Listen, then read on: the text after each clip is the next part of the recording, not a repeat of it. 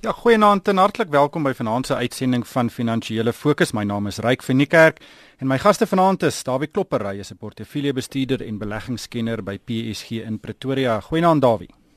Goeienaand Ryk. En uh, professor Janie Rousseau, hy's hoof van die Universiteit van die Witwatersrand se skool vir ekonomiese en sakewetenskappe. Goeienaand Janie. Naand Ryk, naand Dawie en goeienaand aan die luisteraars. Wel Janie, dit was 'n groot nuusweek uh, en twee van die drie groot internasionale kredietgraderingsagentskappe het Vrydag aangekondig dat hulle nie Suid-Afrika se krediet uh, of se beleggingsgradering gaan sny nie. Uh, Fitch het sy gradering een kerf bo die sogenaamde rommelstatus. Ek hou glad nie van daai woord nie. Dis meer 'n sub beleggingsstatus uh, gehou, uh, maar hy het sy vooruitsig van stabiel tot negatief uh, verlaag en Moody's natuurlik uh, het het sy gradering twee kerwe bo die sub beleggingsstatus gehou, uh, maar hy sy vooruitsig is ook negatief. Um, maar as mense in in Hebreë hierna kyk, Jannie, is dit goeie nuus. Um, baie mense het gedink Moody's sou sy gradering gesny het. Ehm um, en hulle het nie uh, en in hierdie geronte van graderingsaankondigings kon baie erger gewees het. Dit is inderdaad goeie nuus ryk vir wat ek graag noem we the South African taxpayers. Want as ons ons beleggingsgradering verloor, sal ons definitief hoër belastings in die gesig staar en die rente op staatsskuld sal toeneem. So vir daai groep wat ek noem we the South African taxpayers, ek het nog nie 'n mooi Afrikaanse uitdrukking daarvoor nie dit goeie nuus. Ek het reeds van die middel van die jaar af verwag dat die kredietgraderingsagentskappe nie Suid-Afrika gaan afgradeer nie. Want as ons afgradeer, sal dit meneer Zuma alle rede gee om van meneer Pravin Gordhan ontslae te raak. En net soos die gemiddelde Suid-Afrikaner graag meneer Pravin Gordhan as ons minister van finansies wil sien, wil die kredietgraderingsagentskappe hom natuurlik ook graag daar hê. Ja. Uh, Dawie, weet ek het die die die lang verklaringe van albei agentskappe gelees. Ehm um, en en weet dit is so emosieloos. Hulle lig twee groot knelpunte uit. Hulle sê politieke stabiliteit uh weet moet verbeter en losweg as mense dit nou vertaal sê dit los asseblief vir Pravin Gordhan uit om sy werk te doen. Uh, en die tweede punt is ekonomiese groei moet verbeter. Dis goed wat ons weet. Dit is goed wat ons eintlik in die korttermyn self kan kan aanspreek. Uh is ons dalk 'n bietjie oor emosioneel in Suid-Afrika, weet en en en spring te vinnig tot gevolgtrekkings dat uh, omdat dit nou so so groot uh, politieke geraas in die land is, moet uh, die gradering verlaag word. Kyk, die politieke ekonomie is op die oomblik um, 'n belangrike faktor in Suid-Afrika. So ek dink nie ons is oor emosioneel oor nie. Ons is deeglik bewus van die rol wat meneer Pravin Gordhan speel in die stabiliteit van die land en wat sal gebeur as hy afgedank word om watter rede ook al. Ek dink ons praat wel hopeloos te min oor ekonomiese groei in die land. Niemand vra na na my mening die vraag waar gaan groei vandaan kom en waar gaan ons genoeg groei vandaan kry om hierdie ekonomie behoorlik aan die gang te sit om werkloosheid aan te spreek om 'n klomp goed reg te kry nie. Ek dink ons moet dringend daar daaroor begin praat. Die vraag is sekerlik sou uh, raak aan die vertroue in die land wat so laag is. En ons weet ek om die vertroue so laag is, dit bring ons terug by die politiek en by meneer Zuma en die dinge wat hy dalk nie doen nie. Hmm. Jannie, hoeveel uh asemhalingsruimte het ons nou weet uh Standard & Poor's is nou die laaste een van hierdie graderingsagentskappe sal nou volgende week sy aankondiging maak. Ehm um, maar hierdie gee vir ons nog 'n bietjie tyd. Uh, dink jy dit is weet ons het nou aan die begin van die jaar gedink almal gaan uh, ons afgradeer, ons het in die middel van die jaar so gedink en nou nou lyk dit of ons al nog 6 maande se asemhaling het. Uh, ek is van mening dat Standard & Poor's tot dieselfde gevolgtrekking as die ander twee agentskappe gaan kom ons nie gaan afgradeer nie. Vir so verder as 6 maande wat natuurlik beteken dat volgende jaar se begroting baie belangrik is. Minister Gordon het reeds in die mediumtermyn begrotingsraamwerk aangekondig dat belastings volgende jaar in Februarie met 28 miljard rand sal moet verhoog. Nou dit sluit aan by Dawie se punt natuurlik. Die oomblik se debat in Suid-Afrika glad nie oor hoër ekonomiese groei nie die debat op die oomblik in Suid-Afrika gaan ongelukkig oor herverdeling van welvaart. In ander woorde, ons is nie besig om die ekonomiese koek soos ek graag daarna verwys te groei nie. Ons is besig om te kyk wie kry anders snye uit die koek uit. Ja, maar dis nog natuurlik 'n baie belangrike doelwit. Suid-Afrika het 'n uh, weet 'n hele klomp strukturele probleme en een daarvan is dat indien die ekonomie vinniger groei, dan deel almal in die land nie in daai groei nie. En En ek weet dis een van Pravin Gordhan se se sterk fokuspunte om seker te maak indien ons vinniger groei sien dat meer mense daarbey sal baat. Ja, inderdaad, maar dan kan jy dit baie makliker deur die belastingstelsel doen. So op die oomblik omdat daar nie ekonomiese groei is nie, raak die belastingdruk al hoër op die huidige belastingbetalers. En dan moet ek my haas om te sê dat wanneer Zuma hierdie vreemde idee dat hy nuwe vliegtuig persent moet kry by Suid-Afrikaanse belastingbetalers. Hulle kan baie geld met my belasting, baie dring my belasting sal doen, maar hulle moet tog net nie 'n vliegtuig koop. Hm. Ja.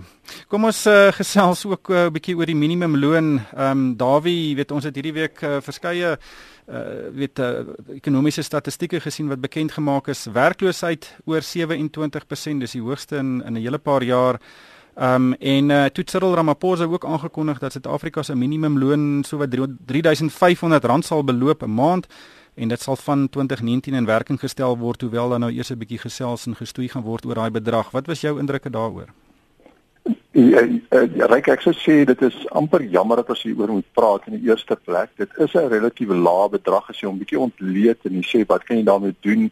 Dan besef jy dat dit eintlik eintlik laag is Maar dan jy het ook op die tafel gesit. Ons het baie hoë werkloosheid in die land en dan kom die vraag na vore as ons nou die minimumloon instel gaan mense dit gebruik as verskoning om nog meer mense uit diens uit te stel.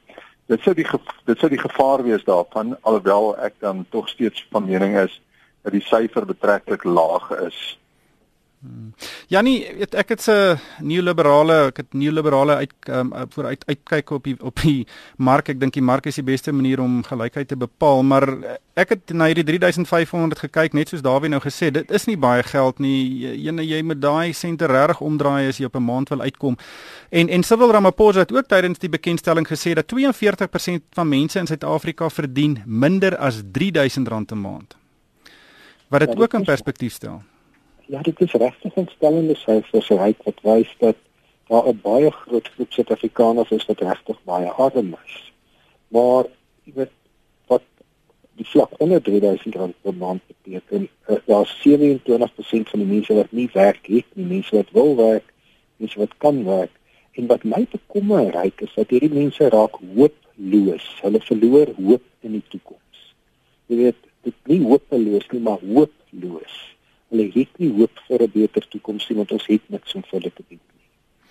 Maar weet die groot vraag is dink jy weet uit met uit 'n ekonomiese perspektief dat 'n 'n minimumloon van R3500 of weet selfs as in 2019 in, in werking gestel word as jy nou inflasie bytel sê net maar rondom 4 4000 'n maand dink jy dit gaan 'n groot druk op werkskepping plaas?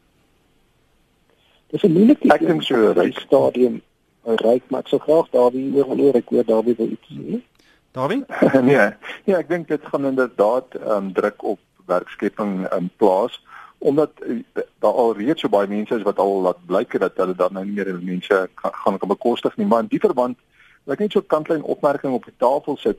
Ek wonder net as ons hiermee hierdie pad begin loop, moet ons nie begin dink daaraan om wyswerkers en tuiniers se salarisse aftrekbaar van belasting te maak nie want dit sou dalk 'n manier wees om baie meer mense in diens geneem te kry as daar natuurlik die stelsel behoorlik in plek gesit kan word. En dit gaan natuurlik die staat ook 'n klomp geld kos, mens moet nie dit buite rekening laat nie, maar ek dink dan sal ons met hierdie minimumloon op 'n beter vlak kan uitkom en dit sal 'n bietjie gee en neem wees as ons dit kan doen. Hmm. Jannie? Ja, uh, ryk ek het nou ek en Dawie, dit tog ek en Dawie ken mekaar goed, het hierdie saak al voorheen bespreek. My voorlopige berekeninge wys dat dit die regering iewers tussen 5 en 10 miljard rand per jaar aan belastingverlies kan kos. So dit beteken hulle sal tussen 5 en 10 miljard rand eers anders moet verhaal as die bedrag 10 miljard is, beteken dit 'n uh, waarskynlik 'n halwe persentasiepunt verhoging in die BTW. Hmm. So die regering sal gewoon hierdie geld iewers moet verhaal, maar ek dink dit is 'n oulike idee wat daar weer wat mense verder kan ontwikkel. Ja, dit klink baie interessant.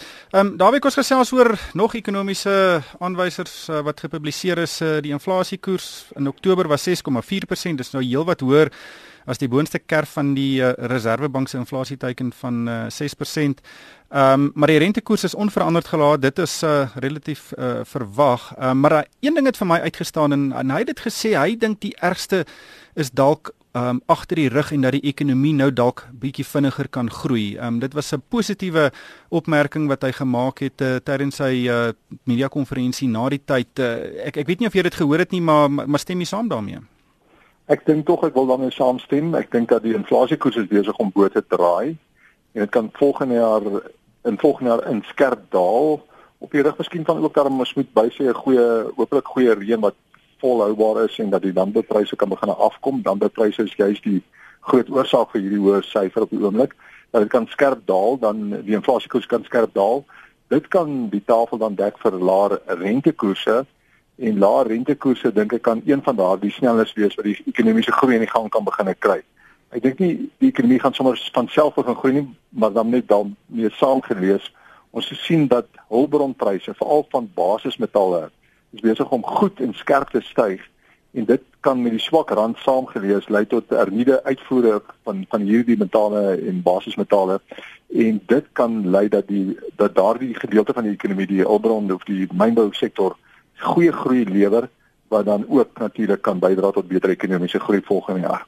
Janie nog 'n nog 'n Ja, maar ek ek skuis tog ek net sê daardie maar jy maak 'n belangrike punt want 'n normale reenseisoen kan natuurlik in sigself landbouproduksie en dis vraag deur die landboustelsel deur die Suid-Afrikaanse landbou in die ekonomie verhoog wat op sigself ekonomiese groei kan stimuleer. Ja, ek wil nou net sê ek het uh, ek het vroeër hierdie week gelees. Ek dink dit was Mike Schuessler wat geskryf het wat sê as as ons 'n goeie landbouseisoen het, kan dit tot 'n persentasiepunt by ekonomiese groei plaas um, in in in 'n relatiewe kort tydperk en en natuurlik weet Suid-Afrika het met die droogte weet nie eintlik baie geluk gehad nie. Dis een van die eerste droogtes wat ons in lang tyd gesien het en en daarby uh, ek dink dit kan soos soos, soos Mike geskryf het ook 'n groot groot korttermyn impak hê. Dit kan en dit kan die gemoed verbeter van baie van baie deelnemers in die ekonomie as die gemoedstoestand verbeter, die vertroue verbeter, dan kan dit lei tot investering en 'n klomp goed kom aan die gang van self. Dit dit is maar hoe die ekonomie werk, maar jy het daai stukkie ehm um, ehm um, sneller nodig om dit aan die gang te sit en dit kan dit net dit wees. Ehm um, daarby bly sommer by jou Amerikaanse markte uh het vaar baie goed sedert Donald Trump nou die president uh se verkiesing gewen het. Ehm um, sedert die verkiesing is die Dow Jones nou 4,5% hoër en daar sprake dat uh, die Dow dalk in 2016 'n opbrengs van so 10% kan lewer wat uh, sy beste vertoning in 'n hele paar jaar is. Uh, en die Dow Jones het hierdie week hier 'n vlak van 19000 punte gebreek, die eerste keer ooit. Ehm um, is hierdie volhoubaar? Dis 'n goeie vraag. Ek dink die markte is besig om vir Trump te kalibreer. Hulle probeer sin maak van alles wat hy gesê het en wat dit beteken en wat gaan dit beteken vir groei volgende jaar hierdie is 'n nuwe ding vir die markte. Ietsie ietsie waar die markte weer kan vashou slag. Hulle is is moeg vir hierdie baie lae rentekoersbeleid, die stabiliteit wat daarmee gesaamgepaard gegaan het en hulle sien hier kan die moontlikheid van groei volgende jaar deur Trump gegenereer word veral met infrastruktuur besteding in Amerika beteken dat dit 'n klompie nuwe ehm um, ehm um, geleenthede kan skep en die mark is besig om dit te begin inprys. Dit veral in jaar 1 kan dit goed wees vir die markte, maar dan moet 'n mens begin die vraag vra hierdie hele Trump beleid van proteksionisme waartoe gaan dit ons vat waar gaan dit eindig? Weer die res van die wêreld uh, is ook besig met met allerlei verkiesings. Italië te referendum op 4 Desember en as daar 'n nee stem vir die referendum se vraag waarna die aantal senators te minder. Na vore kom kan dit nou 'n verder impetus van hierdie proteksionisme opdui na Brexit na Trump en dan nou Italië. En dit kan 'n klomp nuwe gevolge tot dinge tot gevolg hê soos die opbreek van die euro area sou ek selfs wil so ver wil gaan om dit te sê. So die markte is by oomblik baie opgewonde oor Trump vir langer as 'n jaar. Ek dink ons moet 'n bietjie ons moet 'n bietjie weer daaroor praat op 'n stadium oor so 6 maande vorentoe. Ja, daar wie uit 'n ag um, Janie uit 'n ekonomiese perspektief eh, die ekonomie moet groei in Amerika. Hy hy is uh, taamlik uh, het 'n bietjie momentum, maar hy moet vinniger groei in die, in die Amerikaanse maatskappye moet meer winsgewend wees om hierdie aandelepryse te regverdig. Dink jy dis moontlik? Ja, dit is natuurlik so ryk dat as Amerika vinniger groei, dit Suid-Afrika tot voordeel sal strek. Die Amerikaanse ekonomie is nog steeds 25% van die wêreld se ekonomie. Ongelooflik soos dit mag klink, dit is regtig 'n baie groot ekonomie en in 'n sin die, die engine kamer van die wêreldekonomie. En op die stadium is die verwagting daar dat met Trump die groter investering gaan kan bewerkstellig dat die maatskappye meer winsgewend gaan wees daarom die hoër aandelepryse en dat dit dan tot voordeel van die res van die wêreld en ook uiteraard Suid-Afrika kan wees. Daar by die plaaslike markte, ons het nou goeie nuus gekry oor die graderings wat nie afwaarts aangepas is nie. Dink jy ons kan môre vuurwerke sien op die markte en miskien met die rand? Ek dink die rand gaan die eerste aanduiding wees môre wat wat die rand gaan doen, gaan hy onder die 14 vlakke teen die dollar weer in beweeg. Ek dink dit kan gebeur. Ons moet net eh, ook raak sien as ons nou 'n bietjie negatief oor die rand op die oomblik. Dit is wêreldwyd dat opkomende markte se geld eenhede afverkoop is na 'n Trump se oorwinning. En en dis 'n bietjie van 'n van 'n eh, opkomende mark ehm um, tantrum soos jy ons praat van wat gegooi is oor die markte en afverkoop is. Hierdie die die periode wat hierdie ehm um, afverkoping nou al plaasvind is besig om amper in vergelyking met die vorige afverkoopperiodes amper aan die langkant te begin word. So hierdie kan net sowel die sneller wees om ook ons mark aan te begin draai. Die wisselkoers bietjie sterker te vat en as die buiteland begin inkom en hulle sien die wisselkoers kan sterker kom, begin hulle ook ons aandele wat hulle groot verkopers van was die afgelope jaar weer aankoop en dan draai hulle nie net die die wisselkoers om hulle draai ook die aandelepryse om en hulle maak 'n dubbele wins in die proses en dit kan ons beurs ondersteun. Daar het net laastens uh weet Naspers het resultate aangekondig Vrydag. Ek weet nie of jy in detail daarna gekyk het nie, maar maar dit uh dit, dit lyk nie so rooskleurig soos wat dit al in die verlede gelyk het nie. Die aandelepryse is ook onder druk. Het jy enige menings nou oor Naspers? Ek dink my mening bly maar net dit gaan vir my oor 10 sent en wat 10 sent vorentoe doen en hoe duur is 10 sent al dan nie. Is sy pryswinste te hoog? Sy pryswinste staan nie om en by op 42 en hy moet kan bly groei ehm um, teen baie hoë koerse hier in die omgewing van 35% plus. En as jy dit kan regkry, kan die Naspers Naspers prys geregverdig word. As hy dit nie regkry nie, kan die Naspers prys onder baie groot druk wees. Ons moet onthou dat Naspers is groter ons indeks deesdae, 19% van ons indeks en ehm um, hy het 'n baie belangrike rol in die indeks ehm um, die weet in die beoordeling van ons indeks op die oomblik. Hy maak ook natuurlik dat ons indeks duur lyk. As mens deur die indeks kyk, is daar 'n hele klomp maatskappye wat glad nie duur is nie. Ja, mens moet eintlik twee indekse hê, een met Naspers en een sonder Naspers. Dis 'n goeie idee. Ja. Maar ongelukkig uh, hierdie tyd ons ingehaal. Baie dankie aan Dawie Klopper, hy's 'n portefeulje bestuurder en beleggingskenner by PSG en professor Janie Rousseau van die Universiteit van die Witwatersrand. En vir my ryk van die kerk, dankie vir die saamluister en ek hoop almal 'n winsgewende week.